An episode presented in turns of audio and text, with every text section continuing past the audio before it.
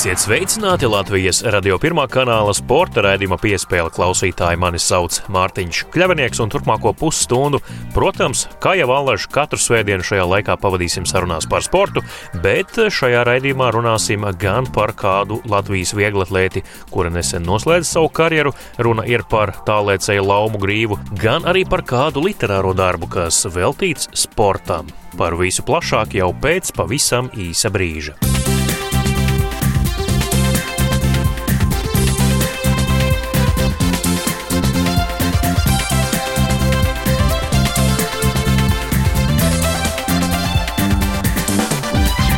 Tālēcēja Lauma Grīva pagājušajā nedēļā Latvijas čempionātā vieglatlētikā, kas bija viņas pēdējās sacensības karjerā ar rezultātu 6,24 m, izcīnīja trešo vietu. Grīva par nodomiem noslēgt karjeru paziņoja īsi pirms Latvijas čempionāta. Sociālā saziņas vietnē Instagram viņa norādīja, ka septiņus mēnešus pēc otrā dēla piedzimšanas pienācis laiks beigt karjeru. Lauma ir no sportiskās Ventspilnieku grīvu ģimenes. Viņas māsa Māra arī ir tālēcēja Gundaga met šķēpu bet Jānis Svens ir viens no Latvijas labākajiem šķēpraižiem. Visa pamatā, protams, ir tēva māra entuziasms. Laumu grīvu pēc karjeras noslēguma uz sarunu aicināja mans kolēģis Reinis Grunspēņķis. Tu nāc no ļoti sportiskas ģimenes Ventspīlī. Abas māsas, Māra un Gundaga, arī ir vieglatlētas. Teicis, Mārs ir treneris. Vai tev vispār bija kāda cita izvēle bērnībā, kā tikai kļūt par vieglatlēti? Mani bērnībā nespieda, ja teica, tad ļoti aktīvi trenēja, teica, pats ir treneris. Un viņš ļoti aktīvi tajā laikā Eriks Raksts un Dainis Kūla vēl meta. Un sports gāja tikai īstenībā caur manu vēlmi trenēties.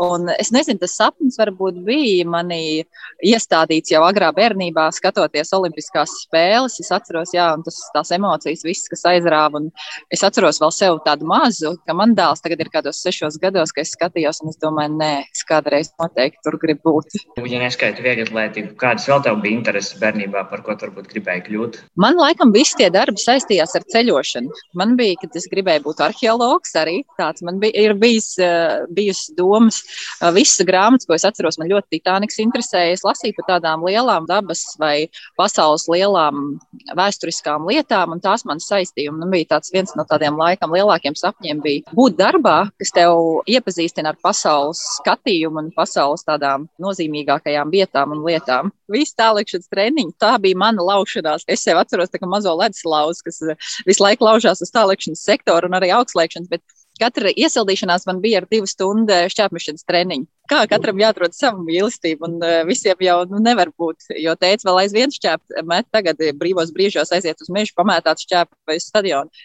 Man šķērs tas nebija mans. Man ļoti patīk vērot un skatīties, bet tikai ne pašai mest.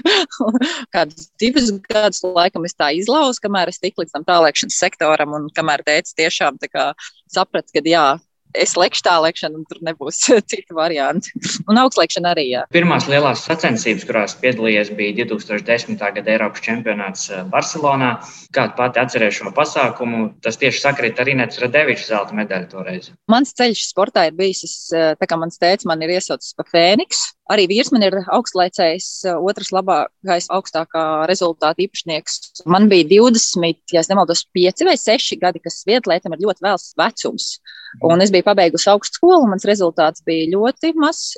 Tādēļ tas 2010. gads, kad es pirmo reizi kvalificējos Eiropas čempionātam, tas ir bijis tāds, ko es vispilgtāk laikam no visas atceros. Un tas gads bija no 6,39 salīdz 6,65 un arī Eiropas čempionātā es laboju savu personisko rekordu ar 6,60 man niek 3 cm pietrūk līdz finālam. Tas bija nu, tas ir tāds ļoti nozīmīgs brīdis, ko es ļoti labi un spilgti atceros. Kā pirmais tāds sapņu piepildījums. Savā karjerā tev izdevās piedalīties vienās Olimpiskajās spēlēs 2012. gadā Londonā. Tas droši vien nozīmīguma ziņā bija tāds vislielākais pasākums tavā karjerā. Jā, un nē, es teiktu. 2012. gads, jā, tādēļ, ka tā bija Londona, tādēļ, ka tās bija Olimpiskās spēles. Tas bija arī visneveiksmīgākais, manuprāt, mans gads, jo es biju vislabākajā formā un maijs man iesākās, nu tā, tā sapņu piepildījums. Man bija jau sacensības, kas man gāja Tokijā. Viens no tādām tā kā dimantu, nav gluži dimantu līga, bet uh, no augstākajiem posmiem. Pēc tam bija Brazīlijā, trijo spēlē. Visas sacensības bija augsta līmeņa, kā es, uh, uz ko es biju strādājis visus šos gadus. Un tad uh, netīšām kā netīšām bija negadījums treniņu nometnē, un uh, metot lodītes, es nokritu aizmugurē un es iegūstu disku trūci par ko es centos it kā sezonas laikā, kā lai saka, nereaģēt. Bet, nu, protams, tās sāpes bija milzīgas. Tas bija tāds eh, baisais paradoks, kad es biju pa, pašā savā labākajā formā. Es, es domāju, ka tas bija viens no maniem tādiem spēcīgākajiem gadiem. Dēļ tā, tā sāpes sliekšņas nevarēju lekt, un tas man psiholoģiski bija ļoti smagi. Tādēļ tas 13. Eh, gads, kad eh, es ļoti daudz vingroju un sportoju, 13. gadā es pierādīju, ka tomēr es varu sevi apārstēt un viss var būt kārtībā. Un otrs, man liekas, ka 12. gadā Olimpiskās spēles man nebija veiksmīgas. Es atgriezos 17. gadā tajā pašā Londonas stadionā, pasaules čempionātā, kuras iekļuvu finālā. Un tur arī atkal cits stāsts, un tas bija tāds tā kā manu sāpju dziedināšana, kad es tajā pašā stadionā tomēr salicu ļoti augstvērtīgus rezultātus. Tev ir sanācis izbaudīt šo olimpisko atmosfēru, eh, bet eh, vai tavuprāt šajās vasaras olimpiskajās spēlēs, kas būs Tokijā, kur Latvijas komandā lielākā daļa ir debitanti, vai viņiem izdosies ar visiem šiem ierobežojumiem noķert olimpisko sajūtu? Es domāju, jā, simtprocentīgi, jo, protams, nav tā, kā bijis iepriekš, bet tie, kas nav bijuši, tie arī nezin, kā bija iepriekš, un katrs spēles ir savādāk interesants. Šobrīd tā ir Tokija, kas ir savā ziņā mums, Eiropiešiem, eksotiska valsts, un e, tajā satiekās tomēr visas pasaules labākie sportisti. Tas ir pats lielākais pasākums uz pasaules, kur ir visvairāk sportisti, tik un tā tā sajūta būs.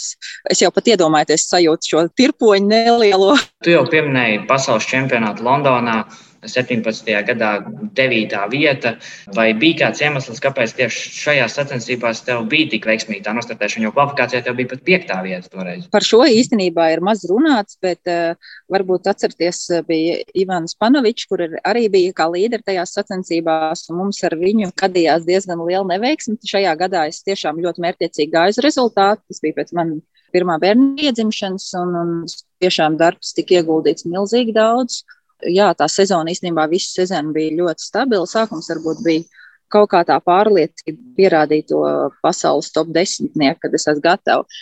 Bet e, mums bija tāds neveiksmes stāsts arī ar numuriem. To var skatīties arī atkārtojumā, kad e, divām sportistēm, man un Spanovičai, viens no lecieniem tika mērīts e, no aizplisušā numura, kas ir aizmugurē. Tas, nebija, tas bija pirmo reizi vispār pasaules vēsturē tāds gadījums. Un man ir arī fotografija, kur man ir trešajam lecienam šis, un tas varbūt daudz ko mainīt. Kas ir mainījies pēc tam, ko Ivan ir izcīnījusi, kad no šīm sacensībām vairs nav tālēcējām numurs uh, mugurpusē. Bet eh, jā, tas ir gan veiksmīgākais, gan arī tāds eh, dzīves mācības skola, kad viss varēja būt arī nedaudz savādāk. Tiešām viss lecieni man bija ļoti tālu, un es ļoti lepojos ar šo startu. Es tieši gribēju nākamo jautājumu uzdot par tādiem viskuriozākajiem gadījumiem tavā karjerā. Eh, ja neskaitu šo atgadījumu Londonā, vai var atcerēties vēl kādu varbūt? Nu, labi, jā, divi kuriozāki ir bijuši. Tas laikam tiešām ir tā Londona ar to numuru. Tas bija arī īstenībā tāds viens no sāpīgākajiem, jo nu, tas maksā ļoti daudz, vai tu esi 9. vietā, vai tu esi augstākā vietā. Un es jau jūtos laimīgi ar to, kad uh, es esmu pasaules top 10 starp 10 tālēcējām. Bet šis numurs, jā, tas bija viens. Un otrs, uh, varbūt trakākais bija, es esmu uztaisījusi, uh, kā man komentētāji teica, pasaules rekordu pārkāpumu ziņā. 2013. gadā es uzvarēju sacensībās Lucernā, tur bija Šveicē tāds posms, un es uzvarēju četrus no tiem. Un es atgriezos Lucernā 2014. gadā, jo es biju kā līderi un mums ļoti labas attiecības ar sacensību organizētāju. Jā, man izdevās septiņu pārkāpumu. 7x. un tas ir tiešām pasaules rekords, kā var dabūt 7x, ja ir tikai 6 lecieni. Tas ir fenomenāli. Mēs bijām 8 lecējs. Pirmie trīs bija X. Tiešām līdzjutēji ļoti atbalstīja mani, jo es iepriekšējā gadā biju uzvarējusi. Un uh, viņi man vienu lecienu uzlika pātru. Nu, tā kā it kā sacensības nebūtu sākušās. Un arī tas bija X. un man patīk, kā Krievu komentētāji teica, jā, šādu pārkāpumu sēriju nevar pārspēt, šādu var tikai atkārtot. Bet nu, es ceru, ka tas nevienam neizdosies. Un es palikšu ar eh, šo pasaules rekordu. Pagājušajā nedēļā Latvijas čempionātā aizvadīja savas pēdējās sacensības karjerā.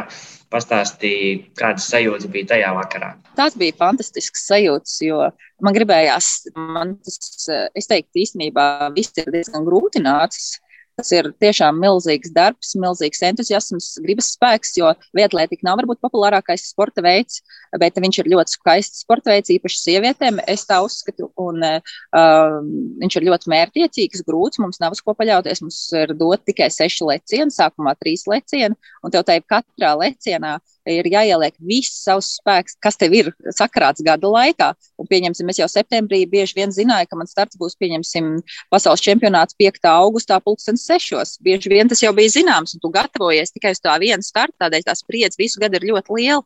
Tādēļ šis noslēguma starts bija tāda tā kā manas, kā var teikt, tāda milzīga svētku sajūta manai karjerai visiem šiem gadiem, ko es esmu veltījusi sportam un cik ļoti es mīlu sportu. Un es tiešām izbaudīju katru no šiem lecieniem.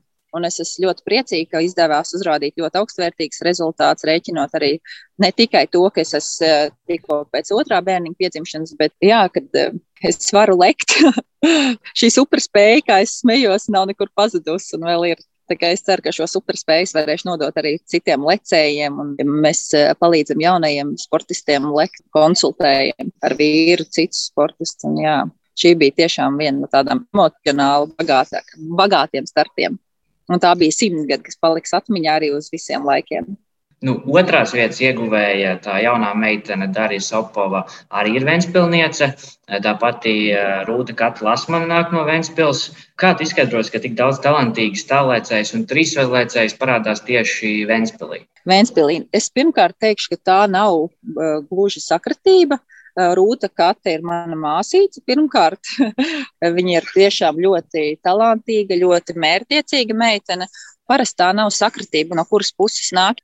Un, protams, ka tie sporta veidi vairāk attīstās vienā vai otrā pilsētā vai valstī, ja tu redz, ka ir ļoti labs piemērs. Varam pievērsties nedaudz eh, priecīgākai tēmai. Eh, cik saprotu, tev kabilē pieder vīna darītājā. Pastāst, kā tev šis bizness sākās un, eh, un kā veicies līdz šim šajā biznesam. Tas ir īstenībā norūdījis ļoti. Man bērnības draudzene ar viņas ģimeni nopirka šo kabelas muižu, un 16. Eh, gadā, kad es biju atgriezusies, eh, dzīvoju kādu laiku Itālijā, atgriezos Latvijā, man uzaicināja kā, taisīt vīnu. Sākumā tas likās tiešām tāda es pat teiktu, utopiski ideja, jo par vīniem man nebija daudz informācijas, un pat eh, nesu ikdienas lietotāju, bet tad radās šī ideja tieši par svētku dzērieniem no ļoti kvalitatīvas Latvijas ābola, kas ir praktiski bioloģiskais.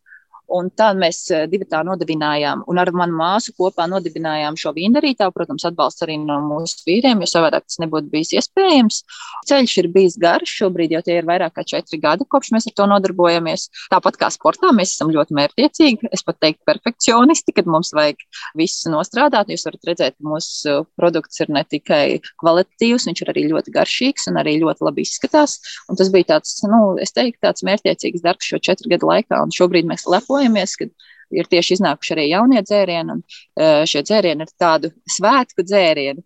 Kā es parasti saku, kad uz, uzvaras Olimpiskajās spēlēs, tad tieši var e, paņemt vienu no mūsu dzērieniem un nosvinēt, nosvinēt skaistu šo uzvaru ar Latvijā radītu ābolu vai bumbieru vai cidoniju dzirkstošo vīnu vai sīdru. Cik saprotu, ka nākotnē tu plāno par treneru strādāt, ja? Varbūt ne gluži parastā izpratnē par treneri, bet eh, ar vien vairāk kristalizējās šī doma. Droši vien viņa bija vienu brīdi ļoti tālu, kad es domāju, ka nē, nē, nekādā ziņā, bet eh, šobrīd viņa ir kristalizējusies un mums ir ļoti daudz talantīgu bērnu, kas novērtē mani un mana vīra zināšanas. Un eh, mēs, jā, mēs spodrinām viņu talantus un katru reizi šie rezultāti uzlabojās. Un vecāki ir ļoti saprotoši un mērķiecīgi. Un es domāju, ka būs ļoti interesanti pēc pāris gadiem pavērot, ko jau viņi ir sasnieguši. Labi, Lama, paldies, ka atradi laiku sarunai, un lai tev viss nākotnē izdodas gan vīna biznesā, gan arī vieglatlētikas.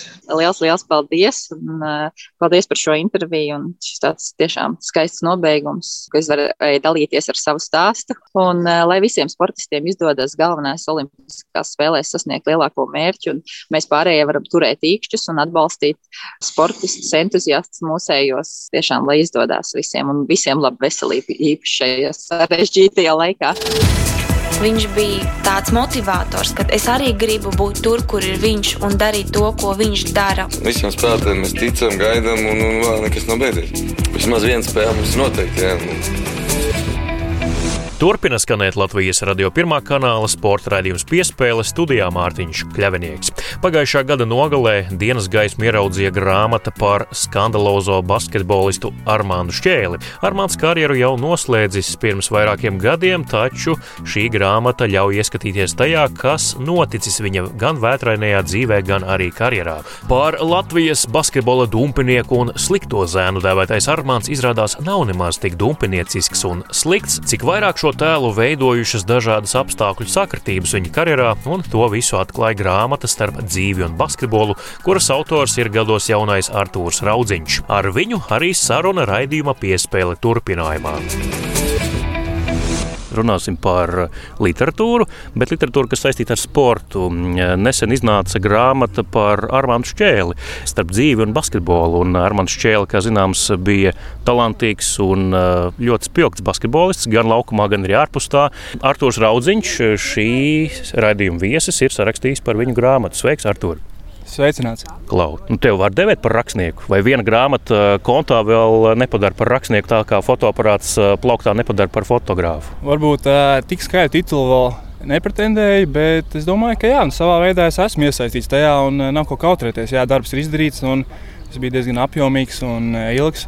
Tā kā jā, bet tā, ka es pretendētu uz nominācijām diez vai vēl pagaidām, bet tas noteikti ir mans virziens. Pastāstiet klausītājiem, varbūt, kur palaiduši garām, kad eh, iznāca grāmata, cik tagad jau tā ir mēnešu. Jā, eh, grāmatu izdevām pagājušā gada nogalē, tieši pirms Ziemassvētkiem. Tādā ziņā arī bija pateicīgs laiks, lai piesaistītu uzmanību, jo tur tieši pirms Ziemassvētkiem eh, cilvēkiem Tā bija lieliska dāvana arī. Līdz ar to tas bija viens virziens, bet jā, nu, milzīgs projekts tas bija, kas nostājās tikai tajā decembrī ar izdošanu. Bet tas darbs jau bija krietni senāk. Pirms tam tas jau bija vairāk kā gadu ilgs. Apmēram tā rakstīšana visu. No kā iniciatīva Armāns tev piebikstīja sānos un teica, ka es gribu grāmatu, kam es neticu, ka tā varēja būt. Vai arī tu teici, Armānam, jāraksta par tevi? Jā, nu, otrais variants ir precīzāks, kad eh, es biju iniciators. Bet eh, nevar noliegt arī, ka Armandam iekšā bija iekšēji interese eh, rakstīt grāmatu. Jo viņš arī nu, savas karjeras laikā bija apsvērts to, bet viņš pēc dabas nav tāds, kas tur baigi meklēt publicitāti. Publicitāti drīzāk uzmeklē viņu. Un mums vienkārši sanāca tā tīri organiski. Ar Armānu man ceļā sagāja kopā. Es strādāju basketbola klubā Vēfrīga, un Armāns tur savu pēdējo sezonu profesionālā basketbolā aizvadīja. Tad mums tur veidojās tas kontakts, ar interesi klausījos viņas nostāstus un stāstus un leģendas. Un pēc tam tie nākamie soļi virzīja to visu tālāk. Līdz vienā brīdim vienkārši pienāca punkts, kad uh, man bija brīvāks Armāns arī bija diezgan brīvs, un es pateicu, rakstam grāmatu. Radio klausītāji, kuri zina, kas ir Armāns Šķēle, un ir skatījušies viņa spēles, un varbūt pielūguši viņa talantu vai apbrīnojuši to. Protams, ka atceras, kāds viņš bija basketbolists, bet atceras arī to visu, kas bija apkārt basketbolam, kāds tas mākonis, teiksim tā, vilkās viņam līdzi ar skandalozo publicitāti un, un dažādām izklaidēm, kas nonāca pēc tam bulvāra presē. Kāpēc par Armānu Šķēli jāraksta grāmata? Daudzi noteikti vaicā arī tev, kāpēc tu to darīji. Priekš kam? Nu, nav viņš neizcīnījis čempionu titulus. Nu, labi, klubā ir drusciņi savā, savas karjeras sākumā arī ar Baronu Latvijā, bet nu, neko tādu milzīgu jau viņš sasniedz savā karjerā ar basketbolu nav. Kāpēc par viņu būtu grāmata jāraksta? Tādas replikas arī esmu dzirdējis no citiem, um, un var oponēt. Es domāju, ka Armāns ir pirmkārt ne tikai basketbolists, bet arī kā personība. Un tas ir stāsts par personu. Jā, piekrītu, ka basketbolā līdz galam viņš nerealizējās, lai arī tie panākumi, kas viņam bija, arī nebija slikti. Vienkārši viņam tā lātiņa varbūt ir, respektīvi, viņu uzskatīja par ļoti talantīgu. Visi sagaidīja, ka viņš būs līdzīgs porziņam. Tikai savā laikā. Jā, jā, savā laikā. Pirmkārt, viņš daudz arī sasniedz esošajā, bet tādu savam talantam viņš nerealizēja. Jā, ko es gribu oponēt, ka viņš ir personība un katrs stāsts ir īpašs un tās kļūdas Un tās mācības, tās ir eh, universālas un iespējams pat vērtīgākas nekā ja būtu veiksmīgs stāsts. No filozofiskas skatu punkta es teiktu, ka mums jau visiem ir tiesības kļūdīties. Un Armāns vienkārši pieļāva vairāk kļūdas. Viņš tagad par tām pastāsta. Ja mēraukli ir, vai tu esi veiksmīgs cilvēks, vai tu izcīni titulus, tad jā, tad tā grāmatā nevajadzētu tā. Bet es eh, esmu pret tādu uzskatu. Un domāju, ka cilvēka teiksim, vērtība, tas viņa dzīves stāsts ir drīzāk kā viņš dalās. Un līdz ar to Armāna gadījumā to stāstu ir tiešām daudz. Tur katrā valstī ir kaut kāds savs stāsts un uh, pa savu tēmu, gandrīz nauda, attiecības, sports, jā, pa visām tēmām viņam ir. Un līdz ar to tas viss krāsainais stāsts mudināja to nodot tālāk, lai nav tā, ka tikai Armāns pastāsta to man vai kādam savam draugam par Latvijas stāstu kas vienkārši nu, meklēs laimi ārzemēs, viņam ir sanācis uzdurties uz visādiem šķēršļiem. Tāds uh, drusku krāsaināks Anna Brigadieris Sprīdīts, ja, kurš iet meklēt laimi un naudu rakt. Tetovētāks arī. Idejiski, jā, es, es, es tā skatos to, un man liekas, tādā ziņā tas stāsts ir ļoti bagātīgs un izteiksmīgs. Un čempionu tituls, jā, sportā rezultāti mēra, bet mums jau ir autobiogrāfija, nevis sporta čempionu grāmatas kaut kāds izdevums. Tā kā es, es tā skatos, es nepretendēju uz daļu literatūras žanru, tur, bet apmēram sporta izteiksmē kaut kas no tās sērijas, jo veidojot stāstu, mērķis bija tā, lai lasītājs var ieiet Armānda acīs un iziet to visas tās situācijas. Un, uh, atlasot, protams, uh, būtiskākos stāstus, jo Armāndam to stāstu tiešām ir ļoti daudz. Jā, nu, grāmata tagad ir tapusi, fiziski iegādājama. Kā veids grāmatai? Pusgads ir pagājis, izpirkta, vēl ir kaut kur plauktos. Piedāvājumā grāmata ir vēl. Īpaši mums bija tā, kā mēs izdevām pirms Ziemassvētkiem, tajās dienās kā valstī bija aizliegta. Nu, veikalos nevarēja iet, līdz ar to dāvana deficīts bija. Un tur bija apmēram tā kā tajās amerikāņu filmās, kur trākums pirms Ziemassvētkiem meklēt to rotaļlietu, vai kā ir Schwarzenegger tajā filmā. jā, jā, jā. Ziemassvētku trākums. Bet mēs pasūtījām diezgan lielu tirāžu. Līdz ar to vēl ir, vēl ir pieejama, ka viņi ir vērts lasīt, kad viņi ir tiešām aizraujoši literatūra. Jā, pats esmu izlasījis, var apstiprināt. Stāsti tiešām ir krāsaini un droši vien uzzināsiet šo to jaunu arī par tiem cilvēkiem, kur tagad jau ir basketbola funkcionāri vai kādreiz spēlējuši izlasē, kas ar Armānu gāja vienu ceļu un bija varbūt laika biedri. Tā tāda intriga jums, radio klausītāji, ja vēl neesat grāmatu izlasījuši vai iegādājušies. Bet par pašu grāmatu turpinot, kāds bija šis grāmatas rakstīšanas process, pavērsim nedaudz priekškaru. Labi, tu vienojies ar Armānu, ka rakstām. Nu, tagad tas pirmais plāna punkts ir izpildīts. Kas tālāk? Tagad tas armāns jādabū beidzot ir tādā kādā klusā vietā, runājams, un tā, lai viņš izpauž sevi. Tur jau arī tā ir vesela māksla, atvērt viņu, lai viņš stāsta varbūt vairāk nekā tikai viņš varbūt pats kādā brīdī gribētu. Jā, precīzi noraksturoju situāciju. Varbūt vienīgi man bija handikaps tajā ziņā, ka es ar mani biju pazīstams, un tajā VF sezonā es biju tādās situācijās, kas tā vairo to uzticību ar viņu, bet tāpat. Kad mēs vienojāmies rakstīt grāmatu, tāpat jautājums palika, kā mēs to uzrakstīsim. Jo reāli bija tāda situācija, ka es jau nevienu grāmatu nebiju uzrakstījis. Iepriekšējā man pieredze, varbūt es biju basketbola klubā, kādu preses relīzi uzrakstījis vai interviju uztaisījis ar mazo. Pavisam citādāk ir uztaisīts stāsts, kas ir strukturēts un ar kāpumiem, kritumiem, kulminācijām. Un tas bija izaicinājums. Jā, un, nu, un, tajā, un pēc vienošanās panākšanas es pats sapratu, jā, jāizglītojas. Es apmeklēju pāris kursus, aizgāju pie viesturmēkšana, uz meistara klasi, arī pie AIS iesaulnieces improvizācijas teātra kursiem aizgāju. Bet tāpat ar visu to teorijas bāzi sākums bija ļoti smags arī man kā rakstniekam. Pirmā nodaļa, ko es iesniedzu Armandam, man atnāca A4 lapas izdrukāts ar sarkanām švīkām kur bija izsaukuma zīmītes. To nešomet ārā, to nevajag. Jā, apmēram tā, ka nu, tas nav manā stilā. Bija diezgan daudz pretenziju. Un, tas, lietas, ne, tas nebija nekas slikts. Vienkārši tas bija virziens, ka tas virziens parādīja to, ka mums ir jāvienojas par vienotu stilu. Es rakstīju varbūt tā formālāk, un tas vēl bija tā kā iejūtoties rakstnieku pozīcijā. Nebija salauzis es biju pārāk tāds kautrīgs tajā rakstīšanā, kas un kautrīgums nav Armāns Šķēles stilā.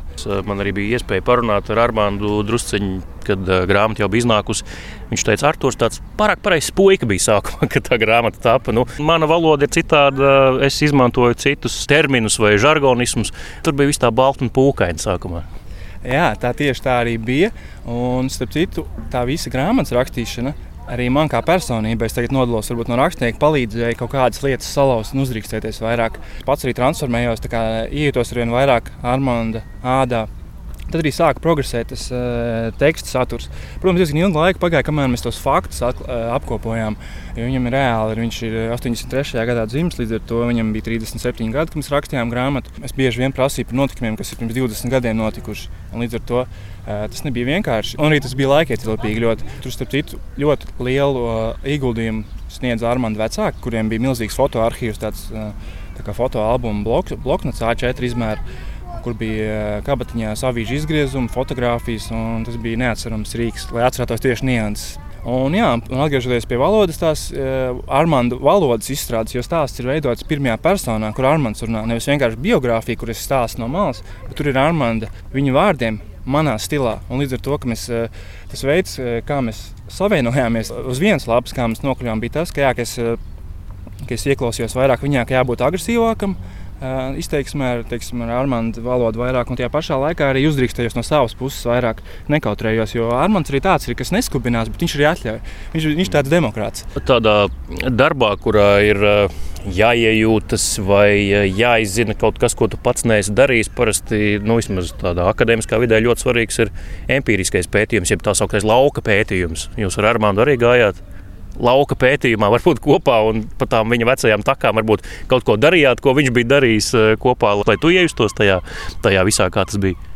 Jā, tā doma bija aizbraukt uz Poliju, kur Armandam visspilgtākie notikumi, arī uz Tallinu. Bet mums e, ienāca tas Covid, mums tā īsti apsīktās idejas, bet mēs šo lauka pētījumu pārnesām uz e, mazliet citu veidu, tādā ziņā, ka aprunājāmies ar un ievācām informāciju no komandas biedriem, kuriem ir dzīves atmiņas, un uh, katram bija cita atmiņa pārmaiņa, kas vēl vairāk iedeva tās nianses. Tas bija ļoti vērtīgs palīgs, bija Damirs Krupalija. Viņš ir bosnietis, kurš bija uh, Armāna līdzgājējs Polijas laikā. Un viņš bija arī 2019. gada jūlijā Rīgā ieradies. Tad, uh, viņš tos stāstus, ko Armāns pats jau bija aizmirsis, arī iedeva vienkārši nu, ar karstēm meitenēm, ar, ar finansēm, ar mahinācijām. Ja, viņš iedeva tos, un tas iedeva vēl tā tādu smēķi. Un, uh, pēc tam, kad rakstījām, tad Damirs bija lielisks avots. Un, un tāpat arī citi, piemēram, sazinājos arī ar Armānu amerikāņu komandas biedriem.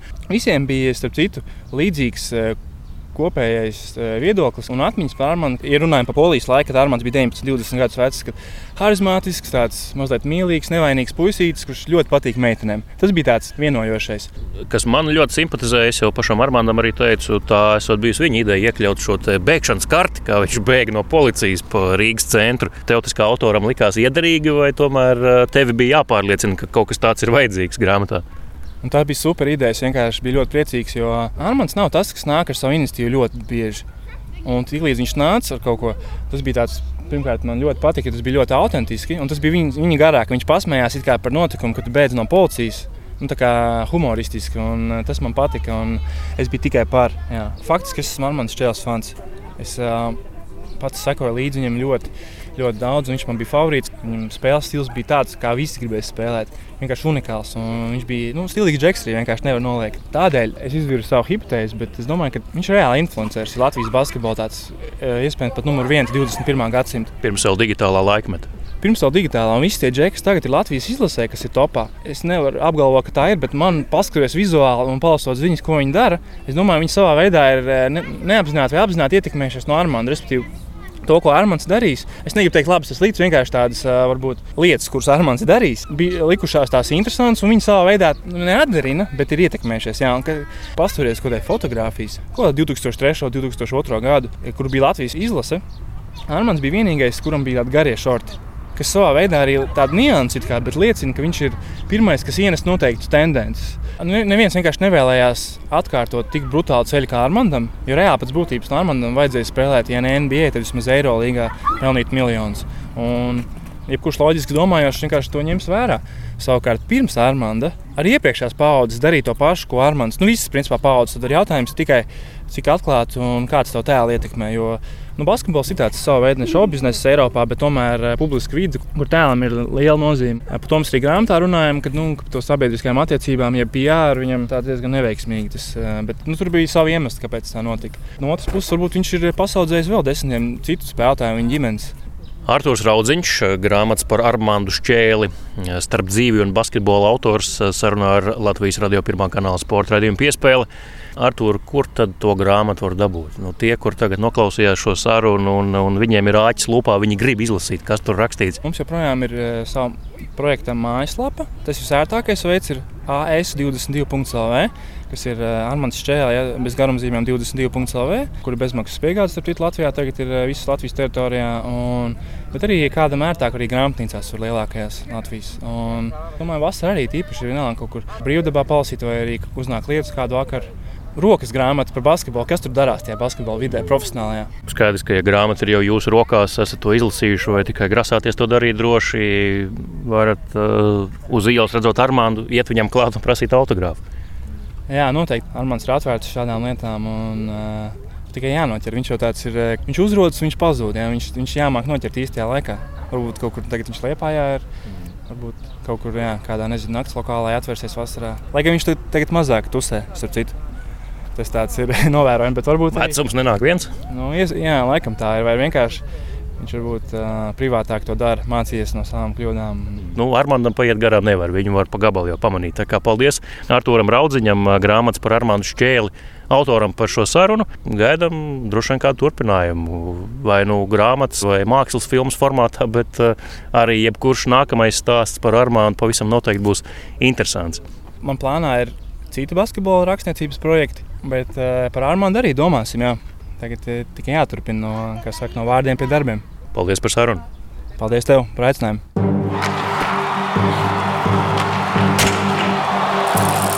Līdz ar to arī izskan sporta raidījums piespēle studijā biju es Mārtiņš Kļavnieks, bet par labskaņu kā vienmēr parūpējās Nora Mītspapa. Uz sadzirdēšanos jau pēc nedēļas!